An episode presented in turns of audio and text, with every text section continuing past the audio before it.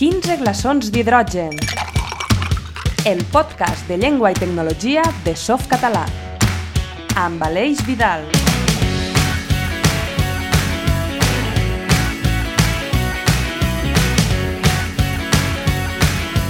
Us donem la benvinguda al podcast de Softcatalà, de Llengua i Tecnologia. Aquesta vegada en un format una mica més especial. Us convidem a entrar a la taverna d'una altra manera. Especial de Nadal. Per aquestes dates especials en què el fred ens tanca a casa i altres coses també ens tanquen a casa, volem fer una mena de prova, a veure què us sembla. Obrirem les portes de la taverna al debat, al guió obert, i a parlar una mica per parlar. sortirà com sortirà, eh, serà una cosa informal, mm, us demanem disculpes per avançat, eh, també pot ser que resulti una cosa políticament incorrecta, però eh, Softcatalà a vegades també és políticament incorrecte. Així que, en acabat, esperem rebre algun comentari vostre, a veure què us ha semblat i si repetim l'experiència. De moment, començarem donant la benvinguda als companys de Softcatalà que avui ens acompanyen. Uh, tenim amb nosaltres el Xavi Bars. Hola, Xavi. Hola. També tenim en Marc Riera. Què tal, Marc, com estàs? Hola. Uh, en Joan Montaner. Hola. Hola, Joan. La Maria Alejandra Roca. Què tal, Maria Alejandra? Hola, molt bé, gràcies per convidar-me. El Jordi Serratosa. Què tal, Jordi? Com anem? Ei, molt bé, molt bé, per aquí, anar fent. La Berlem Ibars. Hola, Berlem. Hola, Aleix. I l'Artur Vicedo. Què tal, Artur? Com estem? Molt bé, com estàs tu?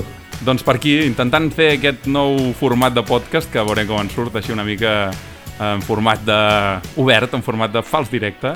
Uh, I tenim, amb, bueno, tenim sobre la taula uns quants temes dels que volíem parlar. No? Ara s'acosten les festes, uh, el Nadal o el que celebri cadascú, el Cap d'Any, i, i bé, uh, jo havia pensat he tingut problemes aquests dies per anar de compres, com tots hem tingut problemes, no? I per intentar evitar l'Amazon, que també és una cosa que és una mica reiterada aquests dies. I de totes maneres, eh, no sé si vosaltres us heu, provat, us heu trobat amb, amb aquestes mm, ganes de trobar un regal tecnològic però que sigui en català i no trobar-lo, no? Eh, hi ha moltes aparells, hi ha molts dispositius que incorporen llengua, evidentment, i no sempre inclouen el català. I també eh, ens falten idees a vegades. Algú de vosaltres eh, a Trotet t'ha dit sí, sí, jo tinc aquell amic invisible o aquell regalet del tió perfecte per eh, quedar bé amb la tecnologia i amb el català. Com, com algú ha vist alguna coseta interessant en aquest tema? Jo la veritat és que m'agradaria trobar un rellotge intel·ligent que parlara català o que entenguera o que estiguera en català perquè tinc goleta no? de, de trobar un, un Huawei Watch o alguna cosa d'estes eh, de rellotge i... Disculpeu. I no n'ha trobat cap de moment, no sé si algú...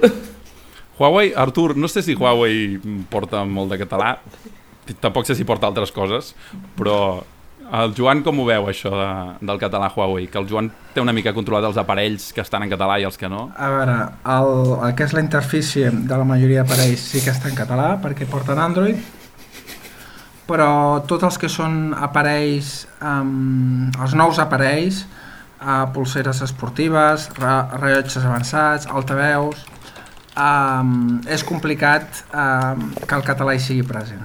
La veritat és que avui per avui um, és complicat. No sé si algú té algun aparell uh, així que digui sí, sí, uh, aquest està en català, però um, és complicat.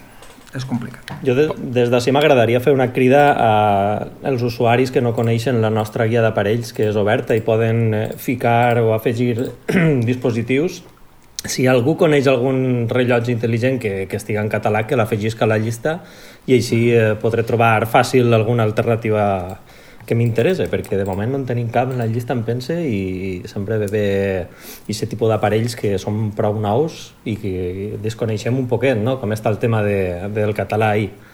Sí, és un dels problemes que té el català en aquests, en aquests aparells que portem a sobre, que del dia a dia, és que moltes vegades, sobretot als rellotges, no hi has d'escriure, per tant hi has de parlar, no? I el tema de parlar, ja en parlarem després també, eh, d'entendre'ns amb els dispositius en català encara és més complex, no? Però, però sí, sí, amb els rellotges és una de les coses que anem més, anem més fotuts, no sembla? Sí, de fet, eh, jo tinc una Xiaomi Band d'aquestes i, i fins i tot eh, passa que quan tens el telèfon configurat en català, la Xiaomi és en xinès. Sí. I, vaja, si, si apareguera en espanyol o en anglès encara com que saps què vol dir-te, però en xinès ni l'hora. Això tira una mica enrere, eh, això, Xavi? Sí, sí. Amb, amb ah. això de la, de la Xiaomi Band, que surt en xinès, em va passar també, i bueno, hi ha una trampeta perquè, perquè puguis triar eh, anglès o espanyol, però diguem-ne que és per usuaris avançats. Però sí, eh, la, la pulsera es, eh, intenta, eh, es vincula a la llengua que tens definida en el mòbil, com que si el mòbil el tens en català, com que la Xiaomi Band no és en català, doncs la llengua predeterminada que té és el xinès i això ens afecta, és un problema per nosaltres. Quins altres regals tecnològics vos, vos interessen a vosaltres, a part de la, les bands i els rellotges digitals? Jo torradores, que no, sí, torradores. Torradores. Torradora, la torradora. sí, sí. Podria considerar-se un regal tecnològic, una torradora. Depèn.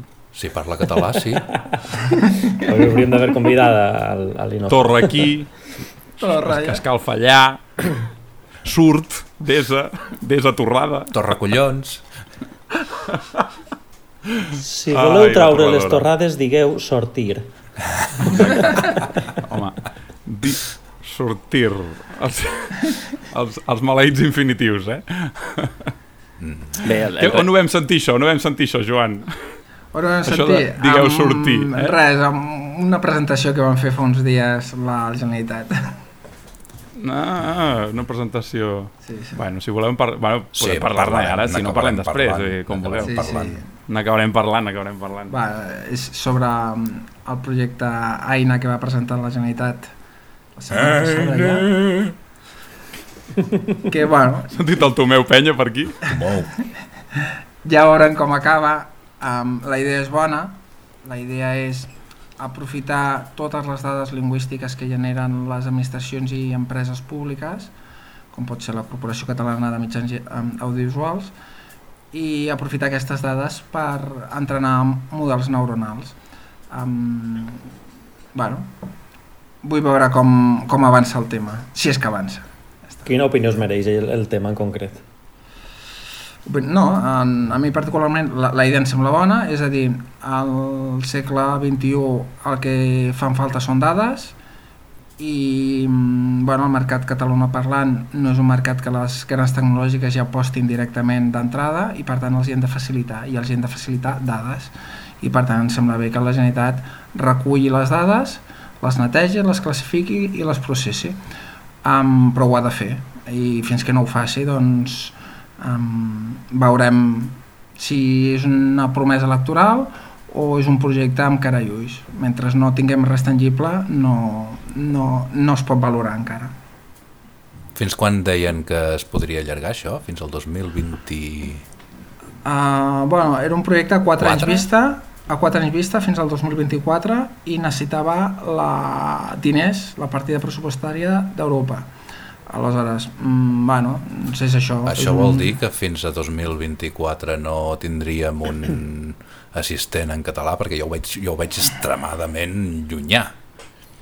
Um, no, és pitjor, perquè, clar, wow. estem parlant només de dades i models de llengua. És a dir, que hi hagi o no hi hagi assistent en català, això ja depèn dels fabricants o de que la Generalitat mm, posi amb el, a l'atenció del públic un assistent eh, amb cara i ulls, és a dir, un, una interfície que tu li puguis dir apaga els llums, però clar, um, que Google o Amazon o Apple, els seus assistents parlin en català, això no, només depèn d'ells.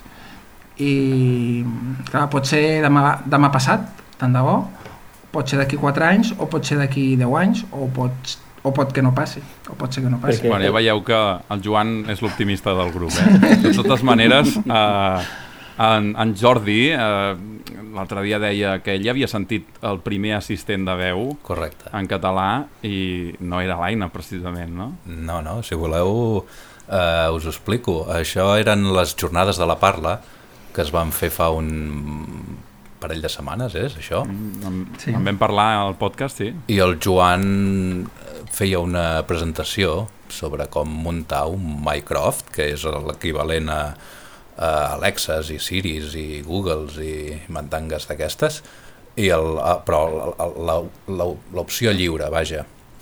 I um, es, eh, es va, eh, vam tenir oportunitat d'escoltar uh, un assistent que parlava uh, completament en català.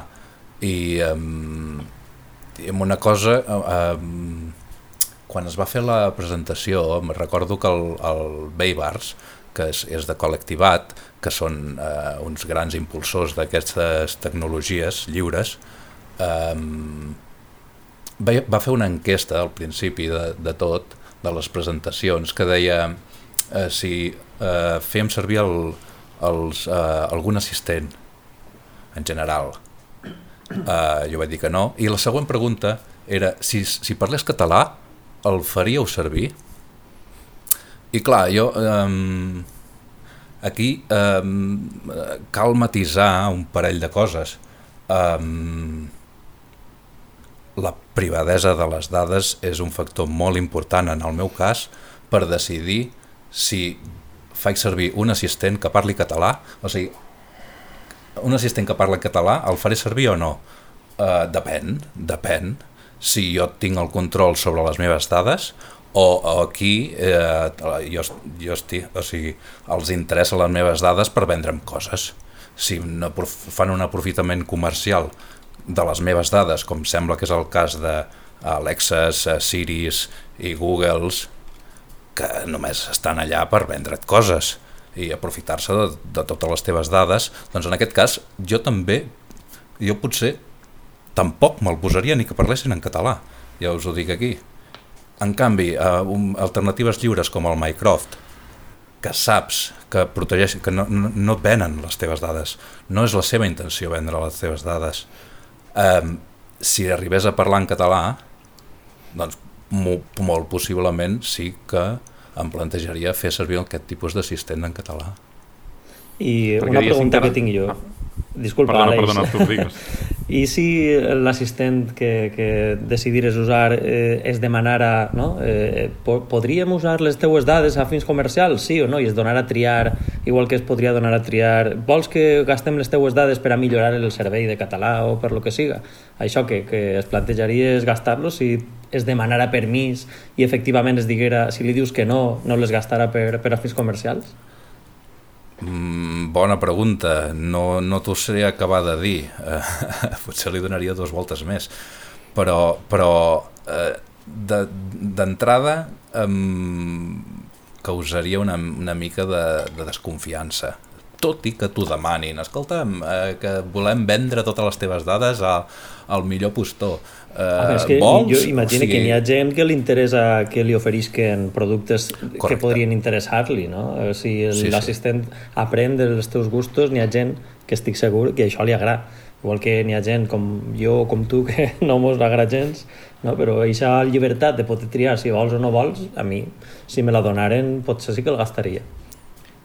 I no, no, no només això, al final eh, el que també hem de demanar és que les administracions facin complir les lleis i, i si les empreses eh, no poden utilitzar les nostres dades per a segons quines coses, eh, go- les administracions, eh, bé siguen autonòmiques, estatals o, o, o la Unió Europea hauria d'assegurar-se de, que, de que això es complís, de, de que totes les eh, lleis i les directives de privadesa eh, es compleixen i no s'utilitzen les dades per a coses que, no, eh, que l'usuari no ha, de, ha, ha deixat explícitament.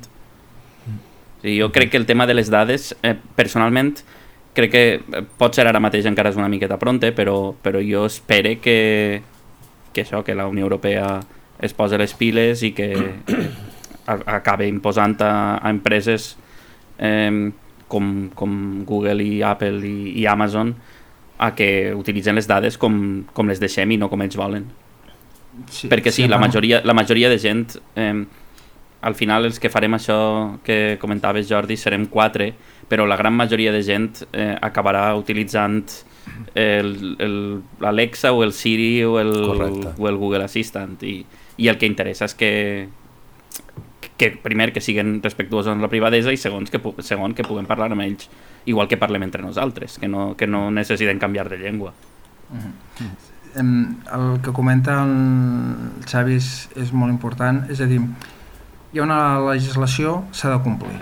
Això, això és important. I tot sovint les administracions públiques no vellen perquè aquestes grans empreses compleixen la legislació. Se'n refien de que la compleixen. Sí, és que, em diu, eh, és que Apple diu que ho compleix, és que Google diu que ho compleix. Dius, bueno, mm, a part de que ho digui, tu has revisat o verifiques que això compleix?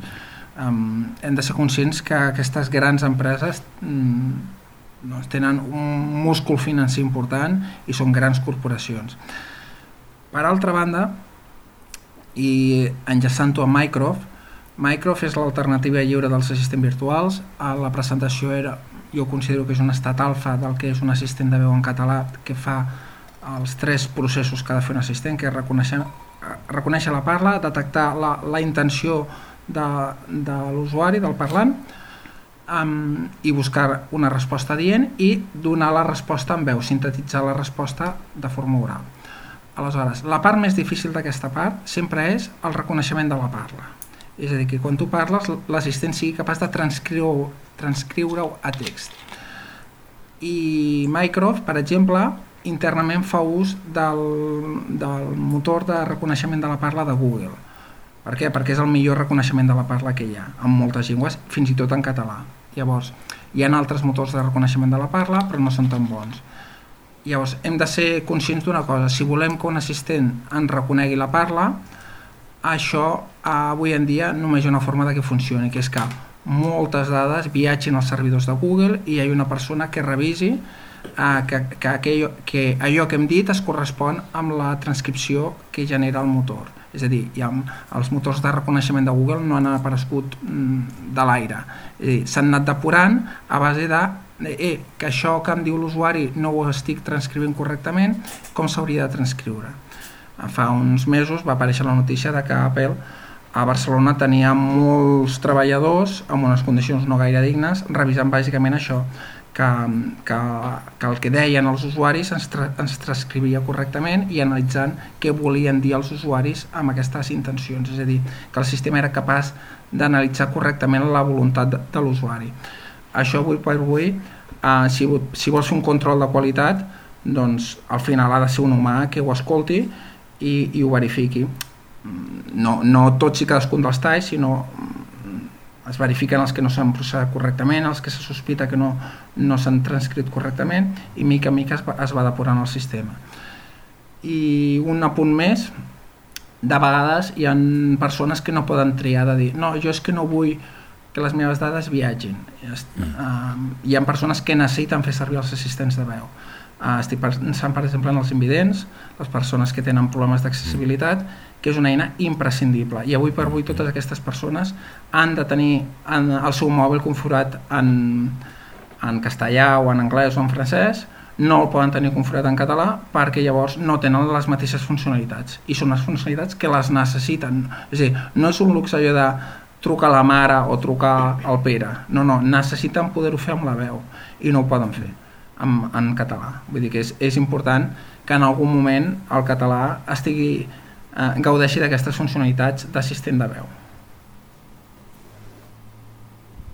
L'Artur crec que vol comentar alguna cosa sobre Sí, no sé si, això, oi? si seria un bon moment per a parlar, perquè com estava dient el Joan, de, que és necessari que una, alguna persona eh, revise que el que s'ha sentit es transcriga correctament no? per, per part de Google o d'Apple. No sé si seria un bon moment per a parlar de quina alternativa lliure hi ha avui en dia per a, per a fer això sense acabar en una de les grans empreses tecnològiques. No? Estic parlant, per descomptat, del Common Voice de Mozilla, que ha llançat una... Bueno, fa anys que va llançar un projecte per a intentar arreplegar una base de dades d'un corpus d'àudios i text no?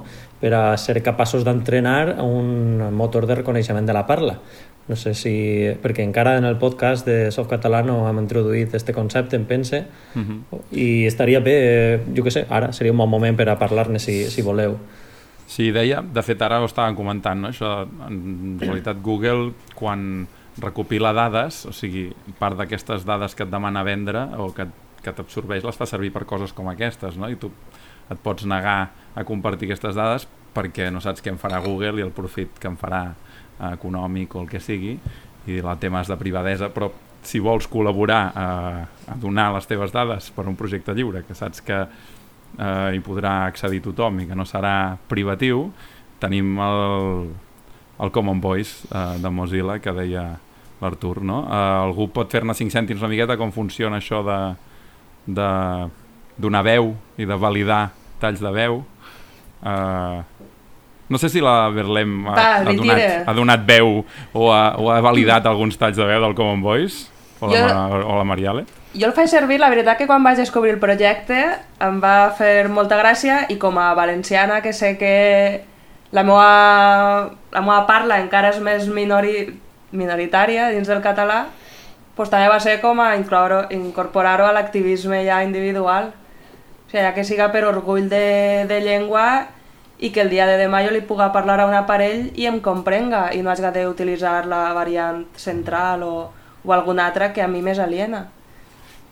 De fet, els, és, la, la Berlem encaixaria en el perfil eh, de fras, de, de veu menys que, en, de, que hi ha menys a la base de dades de, que s'està recollint del Common Voice, no? O sigui, fan Les veus femenines necessàries. i de variants diferents de, del català central són, són les que manquen, no? Perquè tenim una miqueta una estadística, no?, de moment, dels talls, si són homes, dones, veus eh, variants eh, centrals o orientals, occidentals, o com, Sí. com ho tenim, això? Ara, ho- ara ho comento.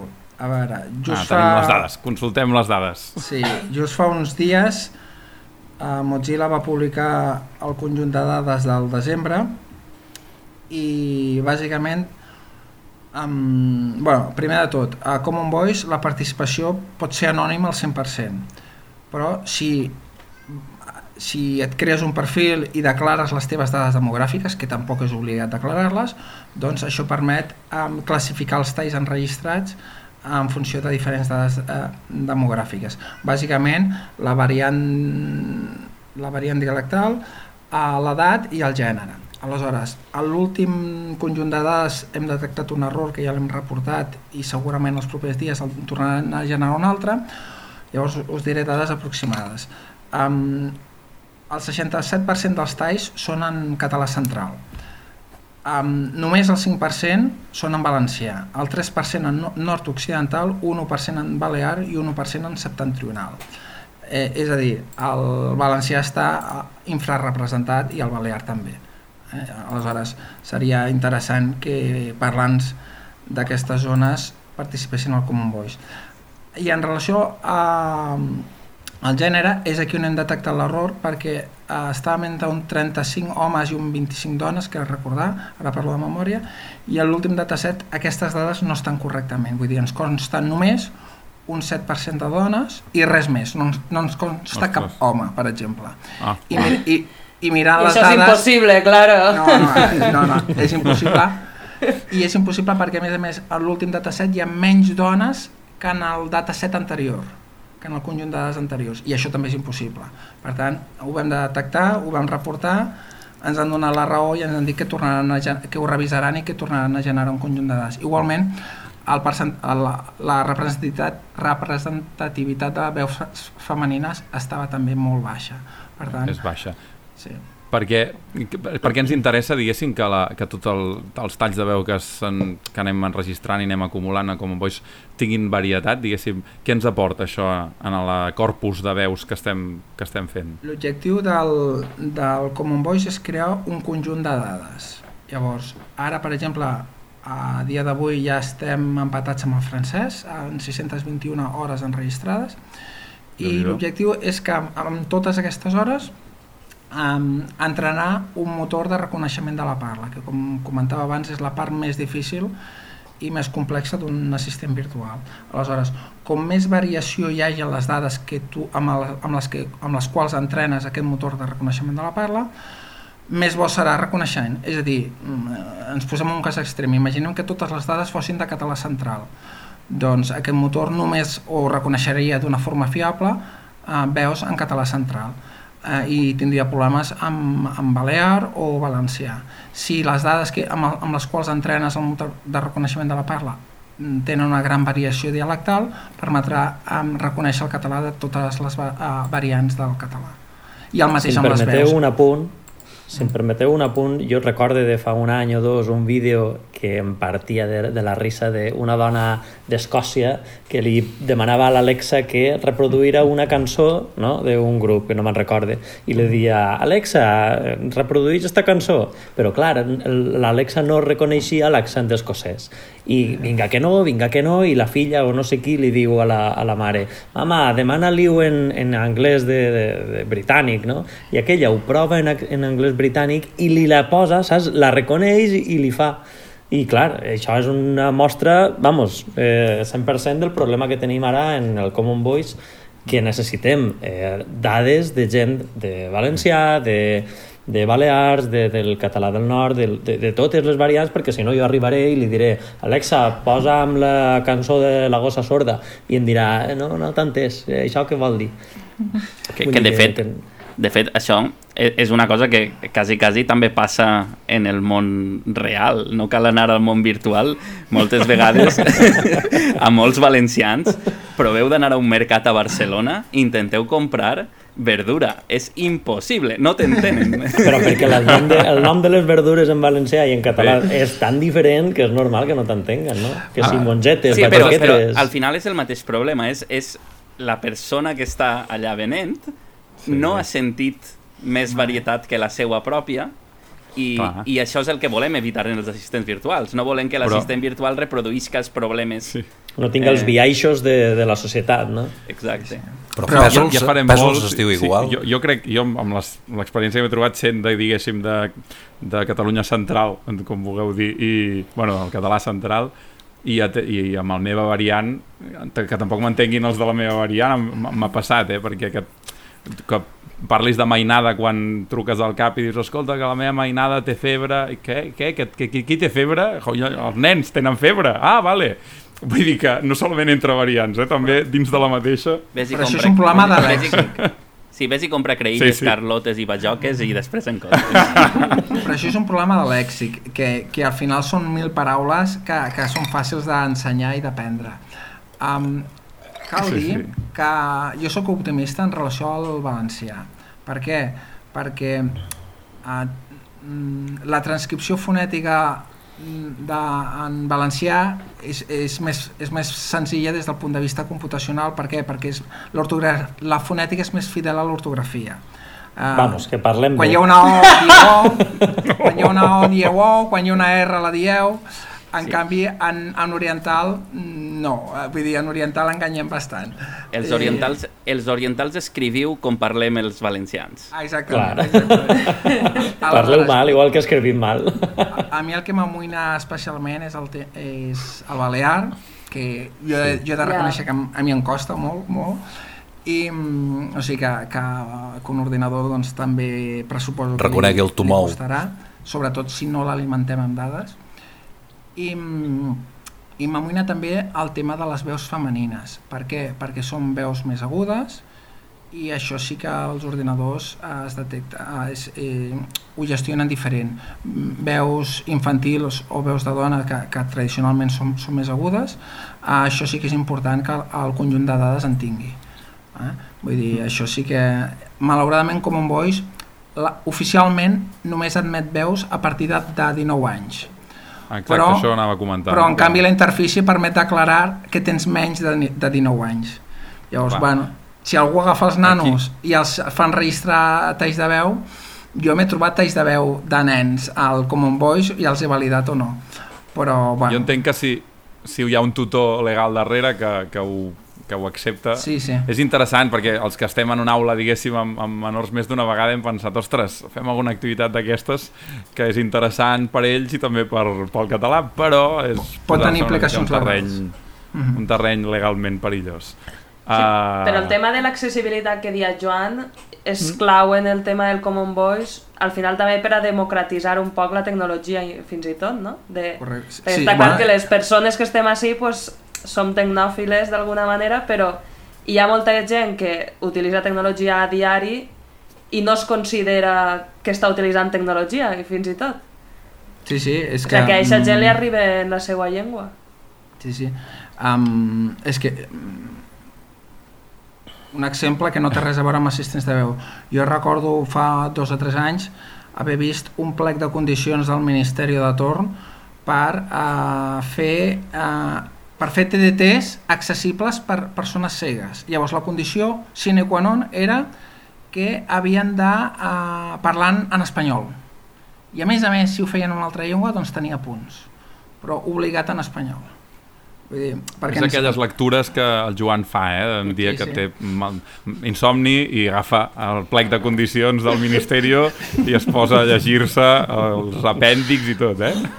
No, va, no perquè, perquè és això, vull dir, el tema de l'accessibilitat amb la llengua és clau. És a dir, um, Sí, no, i tant, i tant. o sigui, les persones cegues han, han, han d'interaccionar en espanyol amb, amb tota la tecnologia, perquè si no, no funciona.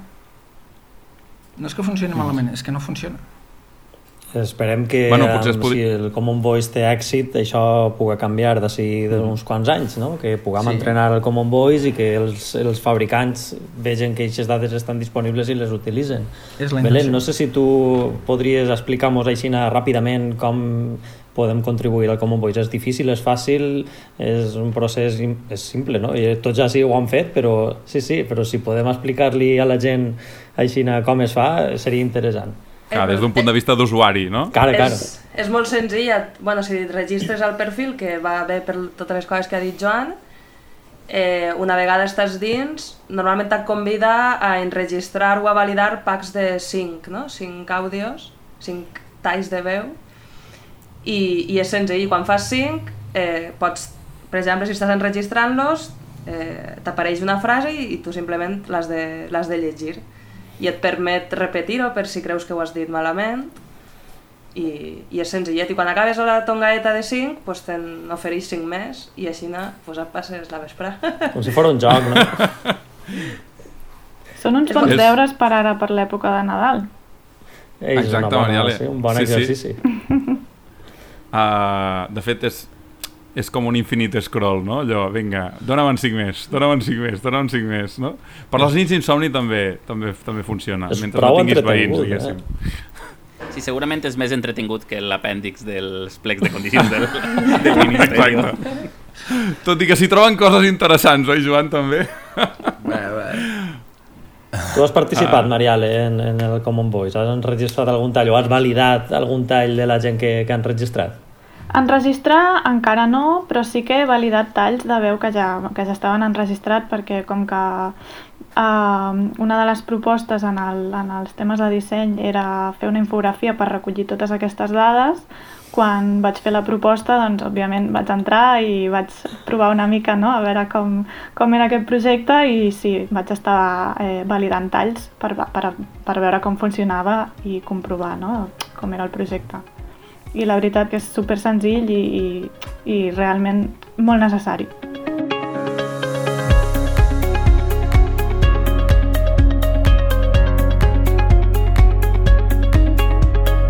Quinze glaçons d'hidrogen. El podcast de llengua i tecnologia de Softcatalà.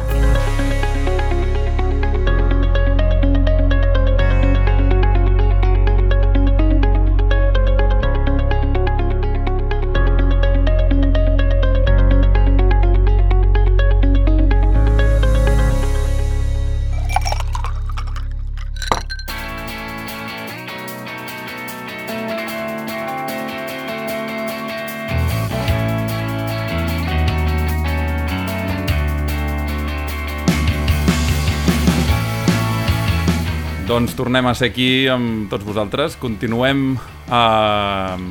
a bé, una última hora que ens ha arribat aquí, ens han passat un paperet a la taula, que ens comentaven que ja estan disponibles els vídeos de la jornada tecnologies de la parla que van fer des de Col·lectivat, que abans comentava el Jordi Serratosa. Uh, així que si aneu al YouTube de, de Col·lectivat trobareu aquests vídeos on hi ha la presentació de, del Joan d'aquest prototip, diguéssim, 100% funcional, o si més no, del principi fins al final del, del Mycroft en català, de l'assistent de veu lliure. Um, Aprofitem per, també per recordar-vos que tenim un grup de col·laboradors eh, de Softcatalà al Telegram, que us, us hi podeu afegir.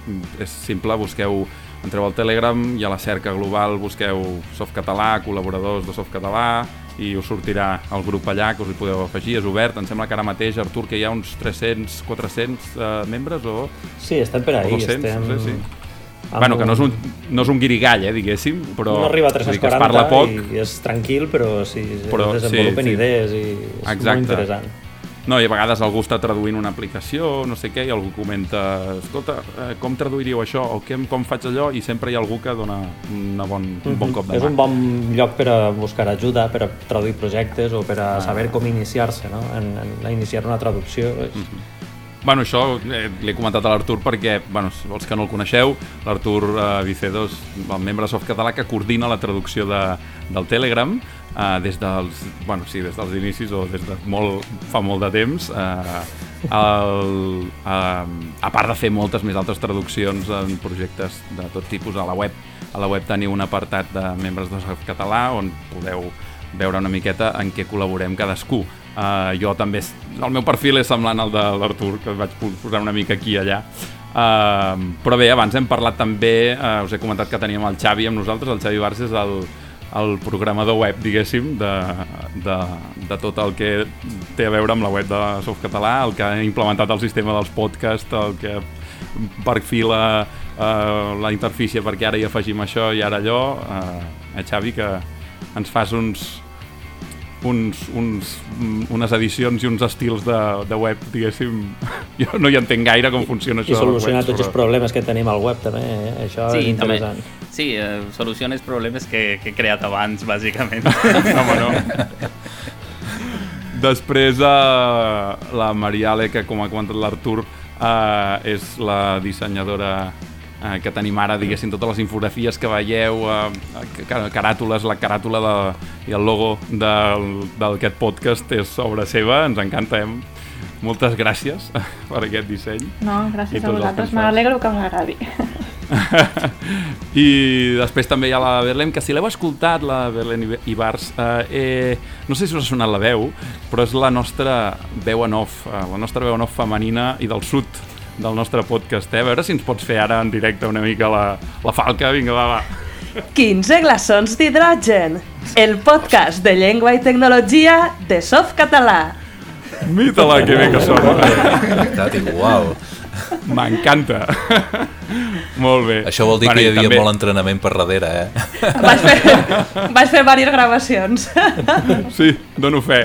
Uh, la Belet també és la nostra community manager, diguéssim, que es diu així en anglès, no? la que ens porta les xarxes socials, al Twitter, uh, una mica al Facebook, tot plegat. Um, després també tenim el Jordi Serratosa, que és um, el qui dona aquest toc d'humor necessari a cada episodi del podcast amb el whisky o ratafia, que últimament ens ha portat un parell de personatges nous, però bé, també és, en realitat és eh, traductor professional i és un crac i aquí sempre preguntem tots aquells dubtes que tenim assessorament lingüístic, diguéssim, però eh, té aquesta altra cara que ens encanta, eh, també, Jordi? Sí, sí, sí. Tenim mil cares tothom. I jo, el que sigui fer el pallasso, doncs m'hi apunto. Benvingut sigui, doncs. I també teníem en Joan Montaner, us recordo, ell, diguéssim que és un... el podríem definir com l'activista del punt volat, eh, Joan? Sí, sí, una mica, una mica volat sí que estic, sí. del punt volat de l'Ela Geminada i de on, allà on vagi el punt volat eh, també toca moltes tecles, moltes, moltíssimes, eh, com el LibreOffice, eh, Common Voice també ho coordina molt ell, bueno, tot arreu on hi hagin coses, eh, iniciatives pel català, les tecnologies, hi ha el Joan Montaner darrere. Eh, i, tam I acabem amb el Marc, amb el Marc Riera, que eh, de fet Marc Riera és un dels que desenvolupen més activament els parells del traductor de softcatalà. Uh, va ser el causant, crec, de la incorporació del traductor al romanès, sí. uh, si no m'equivoco, però, però està treballant amb tots de, la, amb, de costat amb el Jaume Hortolà, no? també, i no sé si algú més. Sí, Uh, sí també en, participo en alguns projectes de, de traducció, també quan em sobra temps del traductor, que, ja és molta feina per si sol, però, però Sí, sí, sí. sí, també faig una mica de tot. I de tot, de tot també inclou en les estones lliures doncs tonejar-se la, la rumba que diríem popularment, que no és una rumba, l'aspiradora, el robot aspiradora que tens. No explica'ns això com, com ha anat una miqueta. Sí, eh, doncs és un projecte en el qual he estat treballant durant uns mesos i, i, i que ja està disponible, tot i que per, com que és un, una mica complicat el procés d'instal·lació, eh, estic escrivint unes instruccions per, per fer-ho més fàcil, però és bàsicament eh, un projecte per, per, per alliberar els, les aspiradores de, de Xiaomi i, per una banda i, i a part instal·lar-hi un, un paquet de, de veu en, en català. Uh... Ei, molt això. Què, què sí, vols dir sí, exactament sí. En, en, quan, quan dius alliberar-les? Alliberar. Ah, exacte. I tant. Sí, el, bé, la, aquestes aspiradores de, de, de Xiaomi, que de moment els models compatibles són els, són els de primera i segona generació, que són de fa, de fa un parell d'anys, és a dir, que els més recents encara no es pot, però està previst que, que també funcioni.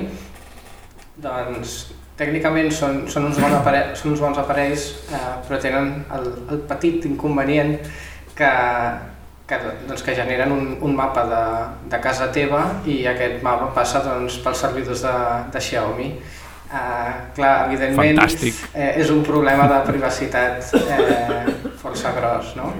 No, no t'agrada que el govern de la Xina tingui els, els mapes de ta casa? Sí, no sé, no sé per què els utilitzarien, però potser estan generant un mapa de, de totes les cases del món, vés a saber, amb, amb aquestes aspiradores. Uh, el cas és que um, hi ha un projecte que, que és el que s'ha traduït al, al català que, que s'instal·la en, en aquestes aspiradores aprofitant que van descobrir que el sistema operatiu de les aspiradores era Ubuntu. I... Oh, quina sorpresa! Quina Linux. sorpresa! Un Linux basat en programari lliure. Sí, sí. I, I llavors doncs, han creat un, un, una modificació d'aquest Ubuntu de les, de les aspiradores perquè generi els mapes i sense necessitat de connectar-se a internet. Llavors el, això suposa que perdis l'accés a l'aspiradora a través de, de l'aplicació oficial de Xiaomi, però, però per altra banda eh, t'obre un, un portal web que pots entrar per xarxa local on tens disponible doncs, tots els controls de l'aspiradora, el mapa, els temporitzadors, tot el que vulguis. I això és el que, el que hem estat traduint al, al català.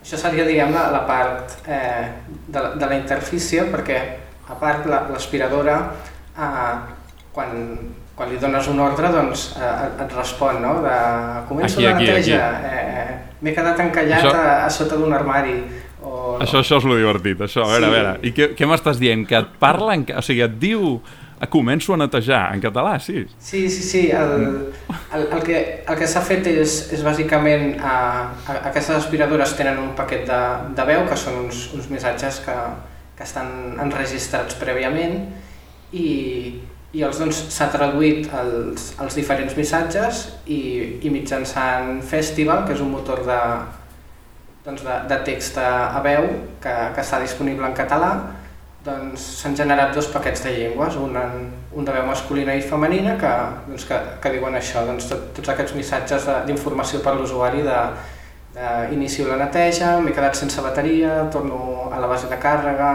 eh, I també et diu, de, de també et diu, et diu, ets un marranot, què fot tot això aquí?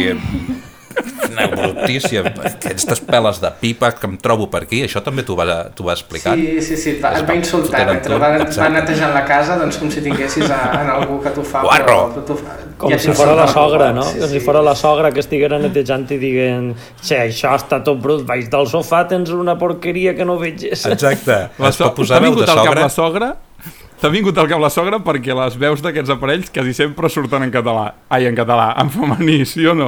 Ah, amiga, sí, sí. O sí. perquè la sogra és la que neteja a la teva família. És curiós perquè diuen que els estudis eh, diuen que una, una veu de dona és més amigable i que per això els assistents de veu són sempre mm. Siri i Alexa, no són dones. I no ah. sé si, si... Sí, però continua reproduint un poc aquest estereotip clar, de que les dones som mm, per escoltem més i No, i més... quin, quin, quin missatge està donant que una aspiradora tinga veu de dona, no? És com molt retrògrad això, m'ho pareix a mi només. Sí, al final qualsevol assistència, no? Seria el perfil de secretària virtual. Clar, no, és, no sé. És el mateix perfil sí, sí. traslladat a, a la xarxa. I tant, perquè de fet de, dels assistents de veu eh, més populars, diguéssim, el primer que va irrompre molt en el mercat va ser Siri. Siri, diguéssim que és un nom prou neutre, però, però, però vaja, és femení, o sigui, la veu és femenina uh, i se li parla com una noia, no? Bueno, jo no, català tinc, jo no, és, jo no toco és, és pometes, masculí, eh? eh? Jo no toco pomes. Català és però... masculí, eh? És, en català és masculí? Home, és un Siri, un Siri... Siri Pasqual, és veritat, no? Siri, el Siri Pasqual, el Siri... Exacte, sí, sí, sí, tens raó. Però vaja, que quan parles amb l'iPhone no, no parles amb el Siri. Tant de bo si Apple incorpora una veu masculina per al Siri li diguem Pasqual. Això seria el Siri i el Pasqual. No, però és veritat això, les noies que tenim ara aquí a la taula de la taverna, que, que, que n'opineu d'això? Perquè realment, en, en el cas de Google també li dius OK Google, uh, en el cas d'Amazon és molt clar que és Alexa i li han posat un nom femení, pum, i ja està. En el cas d'OK Google, que li dius OK Google, però continua sent la veu per defecte femenina. Um, què us sembla això? Creieu que hauria de... Si fos... O sigui, seria més normal o més natural o més normalitzat que dels quatre, tres assistents de veu populars que hi ha no tots tinguessin la veu femenina per defecte o, és, o us sembla... Eh, bueno, és que no sé. pot ser eh, que, que això córrega ja és, un, és sintomàtic de que falta perspectiva de gènere en tot este món de la tecnologia. Falten més mirades o major diversitat per, per fer veure que no pot ser sempre la dona la que serveix o la que tinga este perfil mm, d'acontentar a l'altre, no? Mm. Eh, jo crec que això falten mirades femenines en este món que puguen identificar, perquè I a vegades pot passar desapercebut. No... Però... I, I en el món de la tecnologia, de fet, les dones no, no, no és que siguen les... No, no, no és el nombre més comú de, de tecnòlegs, no? El, hi ha molts homes, però les dones on estan en la tecnologia?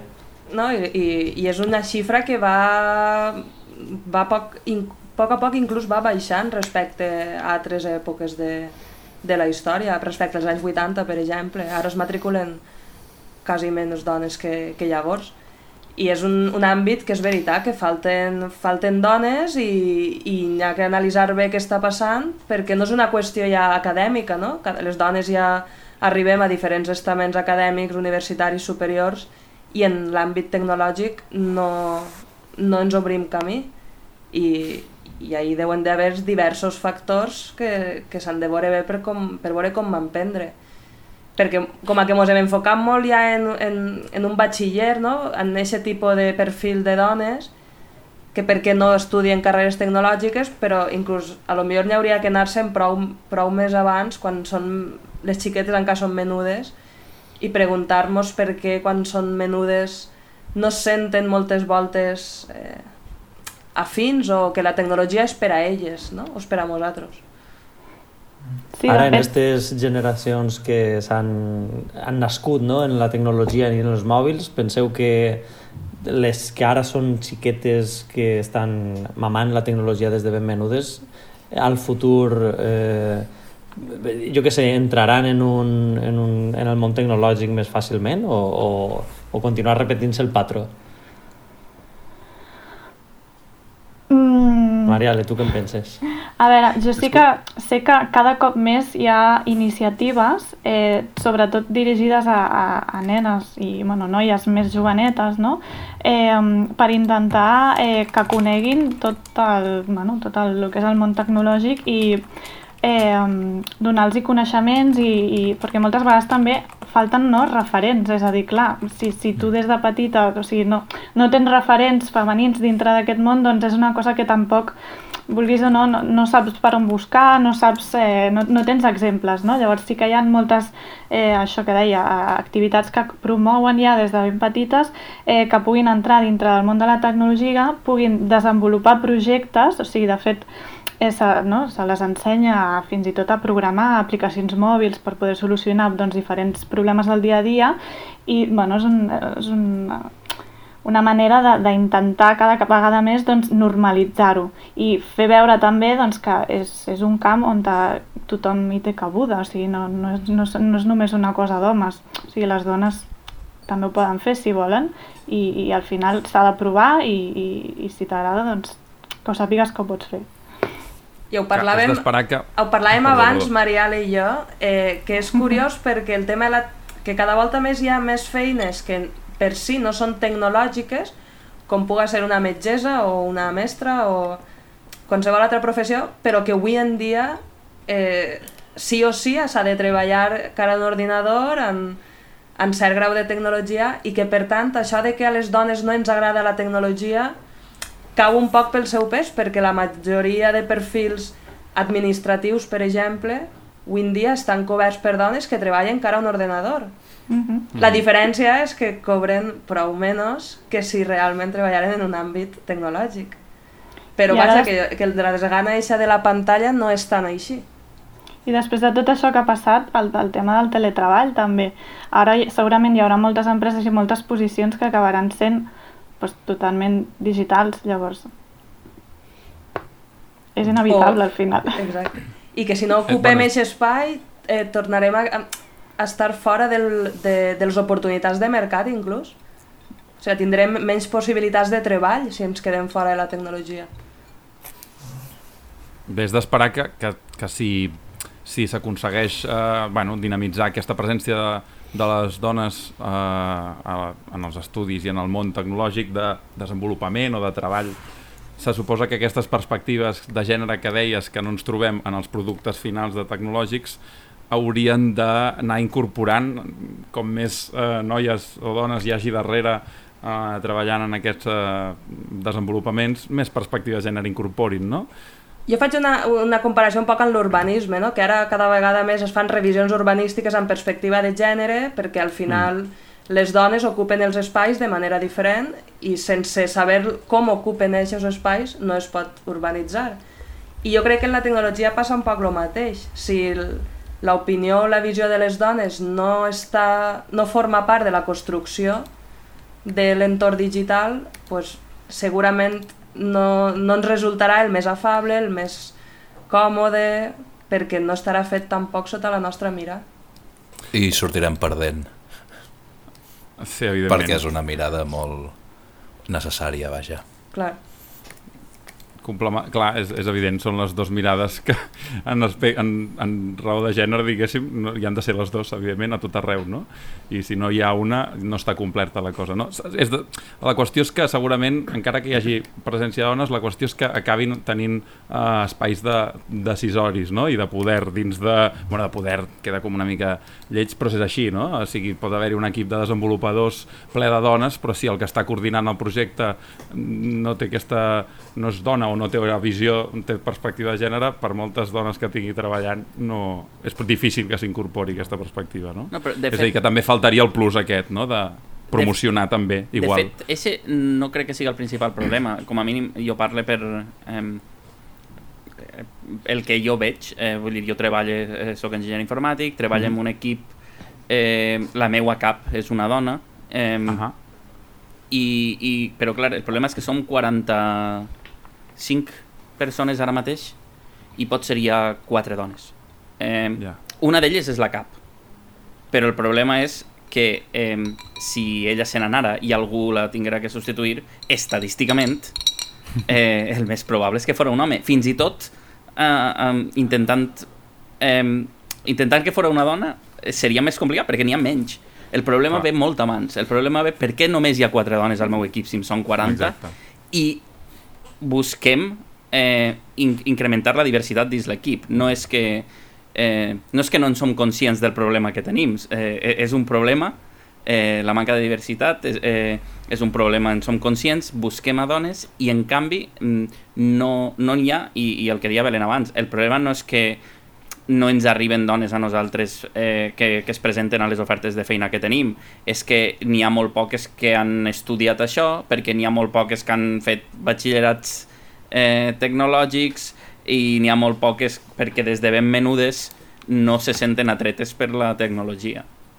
Jo llegia sí, això... que n'hi ha, un, hi ha, un, hi ha estudis per ahir fets que, que a partir de 5 o 6 anys eh, les xiquetes eh, deixen de percebre's tan intel·ligents com els homes. A una xiqueta fins als 5 anys es veuen iguals, però a partir de 6 anys, si tu li preguntes a una xiqueta qui és intel·ligent, un home o una dona, probablement et diga un home. I aquest tipus de, de disciplines i d'àmbits tecnològics s'associen molt a la capacitat intel·lectual i per tant, eh, si jo ja sé que els homes són els listos i que sos pa listos, això no és pa mi. Wow. I això... després, durant tota la nostra vida acadèmica, com se'ns pressuposa que això no ens agrada a nosaltres, ja n'hi ha una pressuposició de que a les dones no ens agrada la videoconsola, l'ordenador, l'aparatet... Ja n'hi ha una pre pressupos un pressupost en això. I això ens condiciona, és un fet. Això, ara que estem parlant de tecnologia, està molt clar, però no només passa en l'àmbit tecnològic. Jo, eh, si em permeteu una anècdota a nivell personal, jo sóc enginyer de camins, canals i ports i en la meva oficina, que serem 16 o 17 persones, l'altre dia vam fer una reunió i n'hi ha una dona, només, en tota l'oficina. Tots els altres són homes no vull dir que siga representatiu, però és un, és sí, un les... símptoma també de, de l'àmbit tècnic. No és, no és tecnològic, no, però és, és... tècnic, és, és una rama també bueno. científico-tècnica de la professió i, i es nota eh, que, no, que no hi ha diversitat. Que, que conec un muntó de dones, tinc moltes amigues també enginyeres i tal, però eh, no, no es pot comparar com, com el nombre, el nombre d'homes. Jo crec que hi ha unes inèrcies culturals que costen molt de vèncer i en, en el meu cas és, és una mica l'inversa, no? en el món educatiu, sobretot infantil i primària, aquesta proporció i s'inverteix.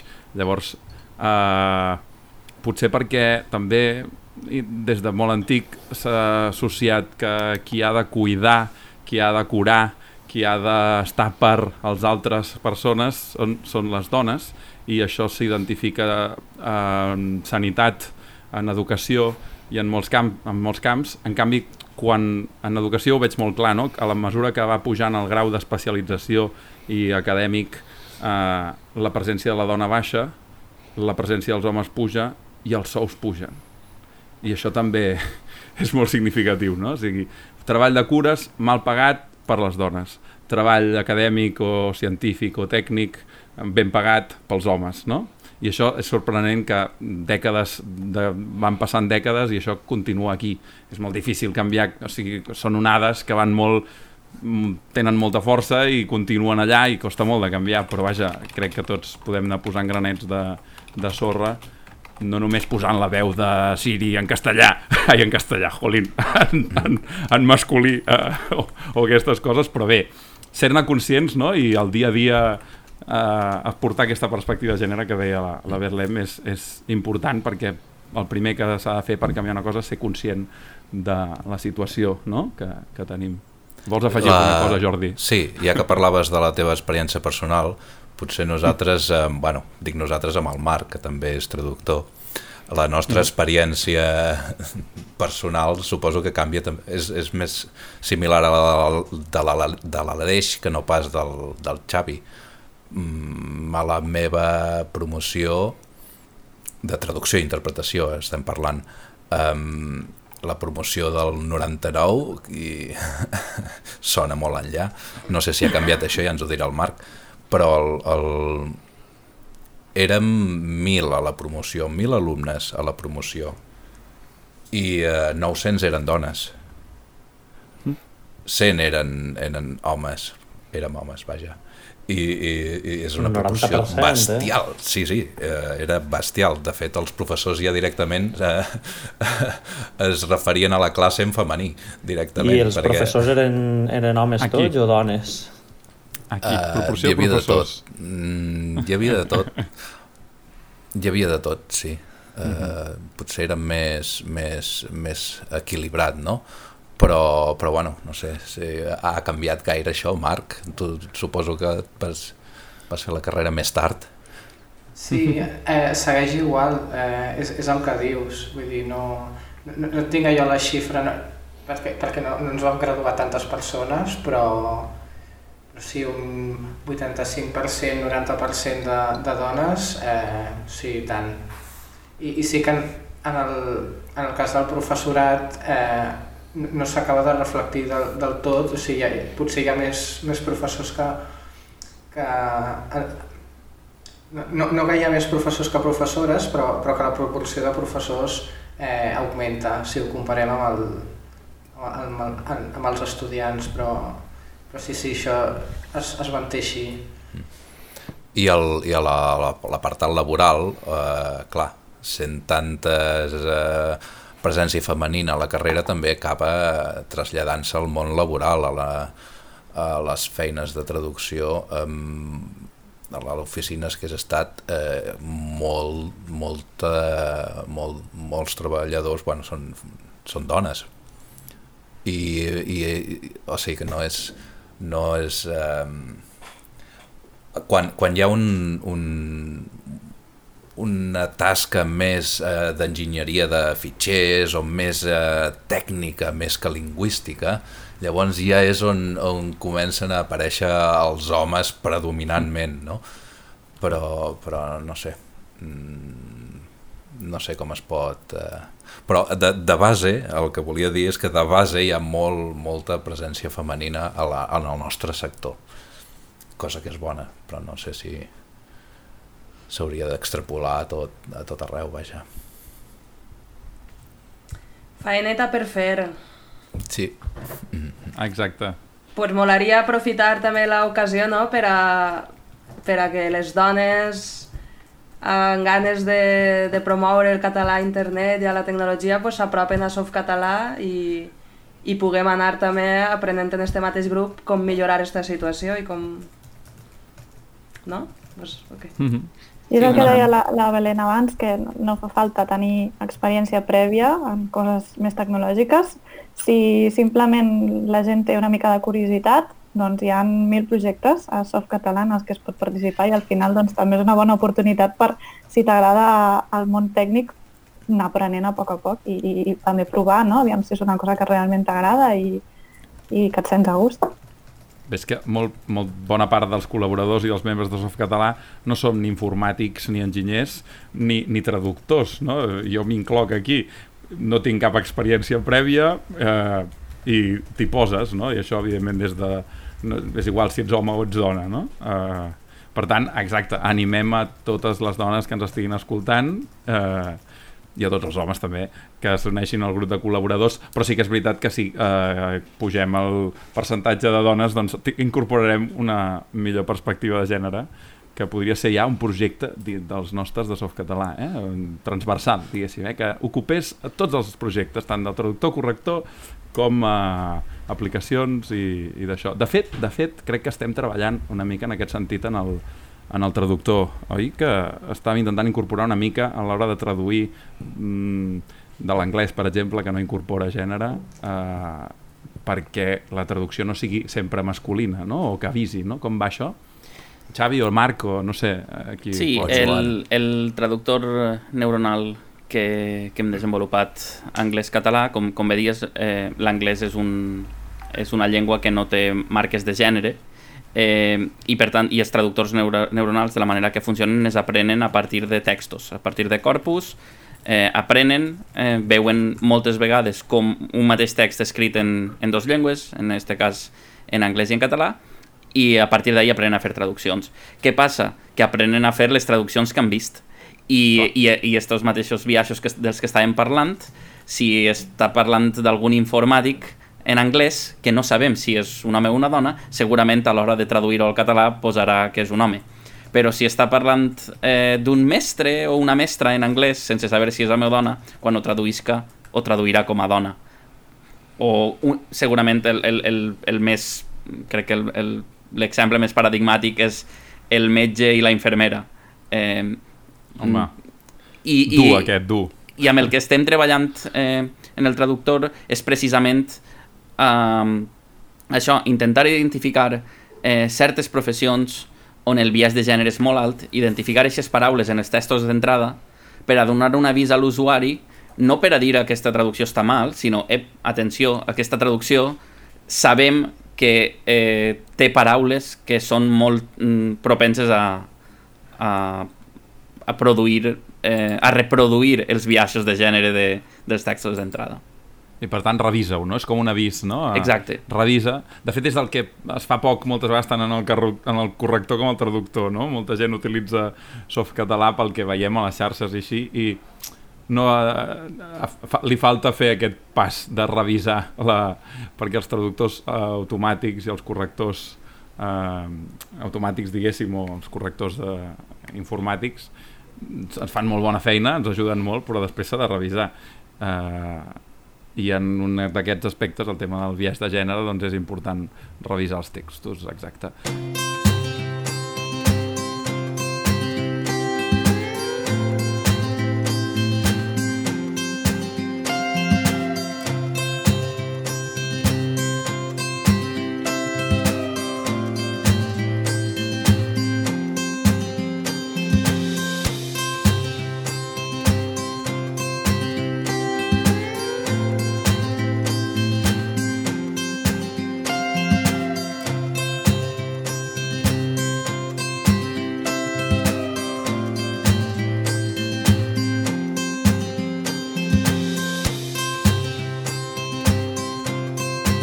Glaçons d'hidrogen. El podcast de llengua i tecnologia de Softcatalà. Doncs sí, seguim, seguim aquí. Uh, um, resulta que m'ha semblat, mentre sonava la musiqueta, que ens han donat un premi, no? O què ha passat? Què ha passat? Em sona que tenim un premi, ja en són uns quants, no? Jordi, què, què, quin premi ens han donat? Doncs es veu que la comunitat de gaming.cat, que és una comunitat de, de, com es diria això, gamers, eh, com es diria en català? Jugadors, no? Jugadors? El meu fill diria jugonistes. Ludòpates, poder? Ju no sé. Jugaires? Ludòpates, que animal. Juganers, juganers. No, no. Ludo, lúdics, lúdics. Ah, juganers m'agrada, juganers m'agrada. Lúdics. No, ja, escolta'm, jo sóc un gran, un gran gamer, eh?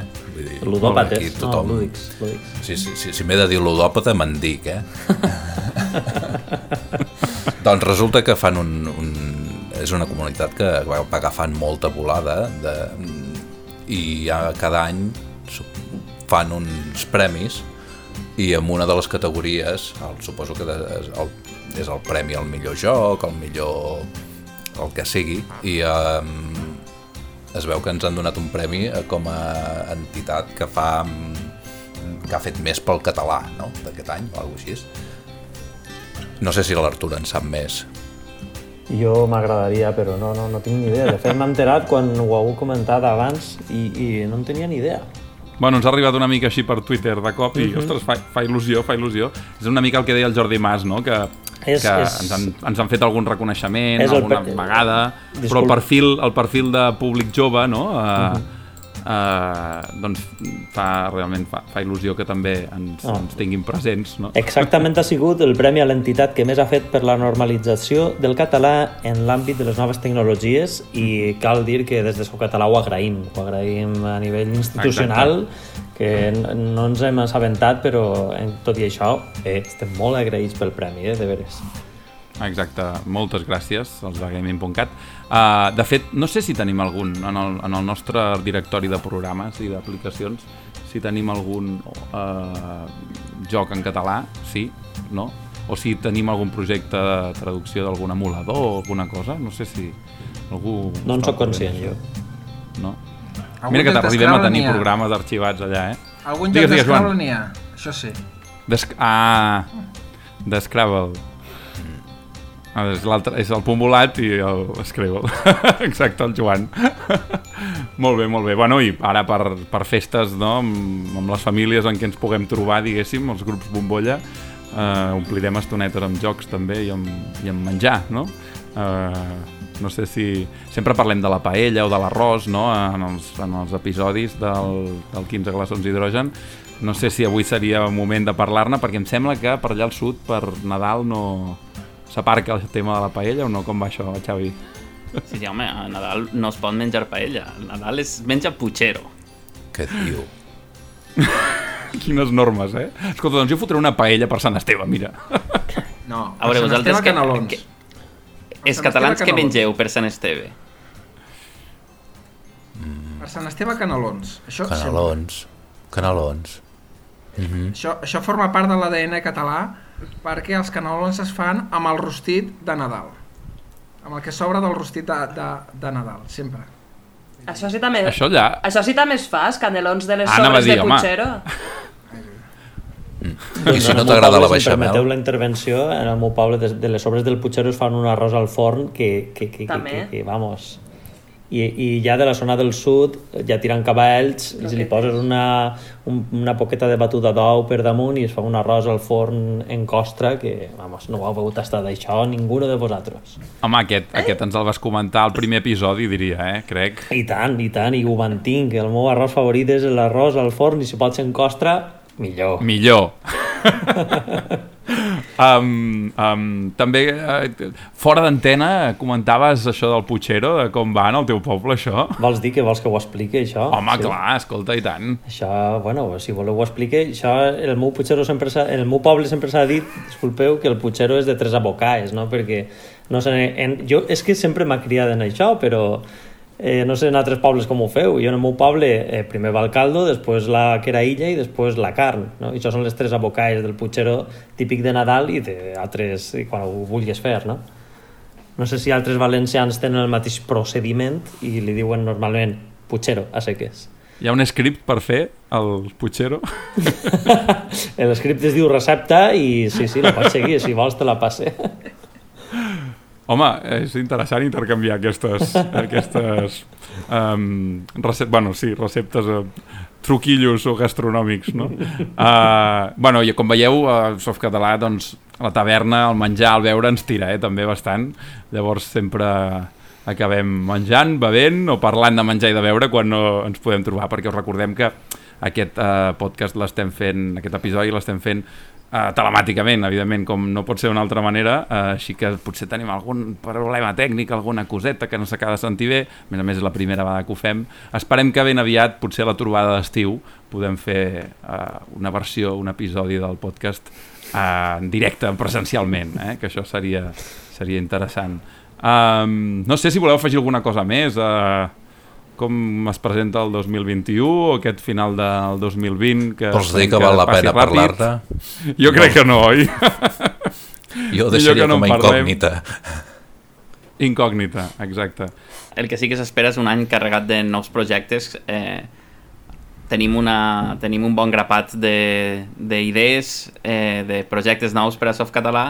Sí. Eh, com fem sempre, eh, segurament no els acabarem tots, però intentarem anar fent feina a poc a poc i, i anar poquet a poquet fent, avançant i, i fent coses per la llengua. Tenim, exacte, tenim la sort de que, a més a més, a Softcatalà sempre s'ha treballat bastant a nivell de teletreball, no? O sigui que això nosaltres ens afecta, evidentment, a nivell personal. A nivell d'entitat potser no ens afecta tant, una miqueta també, però seguim treballant, la nostra, el nostre local, el nostre lloc de trobades, la nostra web, softcatalà.org, que no sé ni per què la dic, perquè ja la coneixeu, i, i evidentment hem seguit fent les trobades de treball, de pancaires, per les xarxes heu anat veient que hem seguit trobant-nos i treballant i pensant projectes, com deia el Xavi, i esperem que seguiu eh, tots allà eh, criticant-nos quan cal també i, i donant un cop de mà o simplement utilitzant els nostres serveis i les, i les eines que us, que us posem a l'abast. No?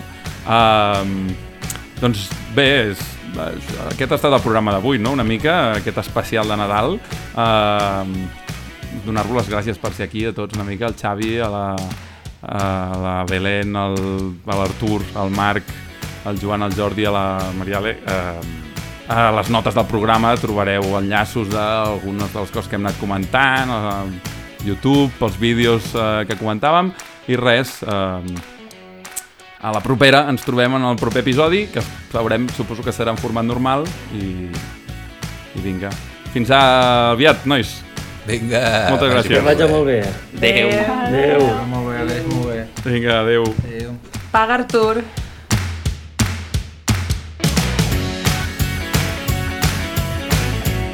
Doncs sí, sí, han marxat tots i li han deixat el compte a l'Artur. Déu-n'hi-do.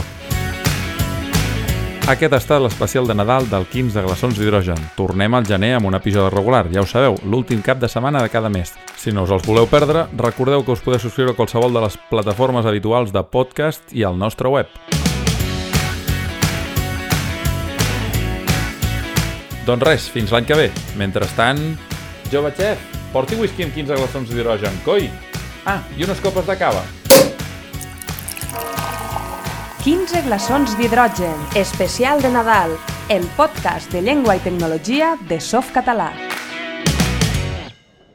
Encara recordo quan mon pare em comprar aquella la primera Alexa que jo orgullós mostrar en els lots del poble, lots de la meva edat.